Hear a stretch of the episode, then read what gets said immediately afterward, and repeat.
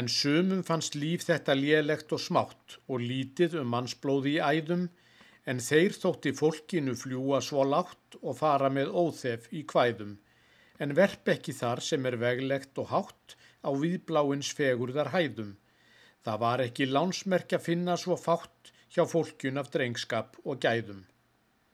Þar hóf sig þá einn yfir hungur og nauð á háfjallatind upp á vörðu og skimaði hvast eftir útför og auð sem örn yfir dali og fjörðu. Í stjelinu kvikuðu kvöldljósin rauð svo kríurnar forviða störðu og þarna satt fugglin og þrefaðum brauð unstögn varð á himni og jörðu.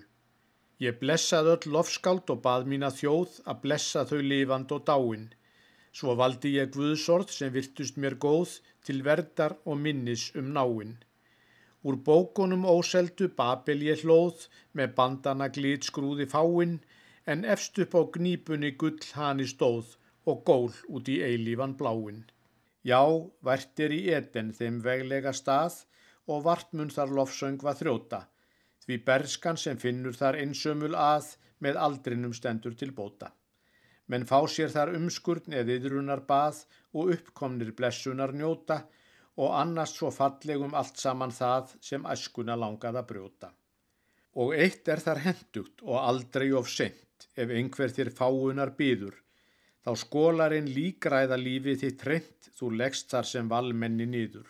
Það vita það allir, það er ekki mynd, svo alls öngum fellur það mýður og það er eins kert og menn kýma því lengt og kristinn og fallegur síður.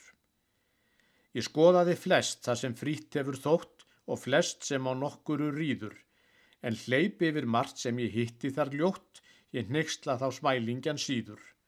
Og eins var það hraða sér undir þá nótt sem enginn má vita hvar býður og það verður mörgum að fari yfir fljótt sem finnur að dagurinn líður.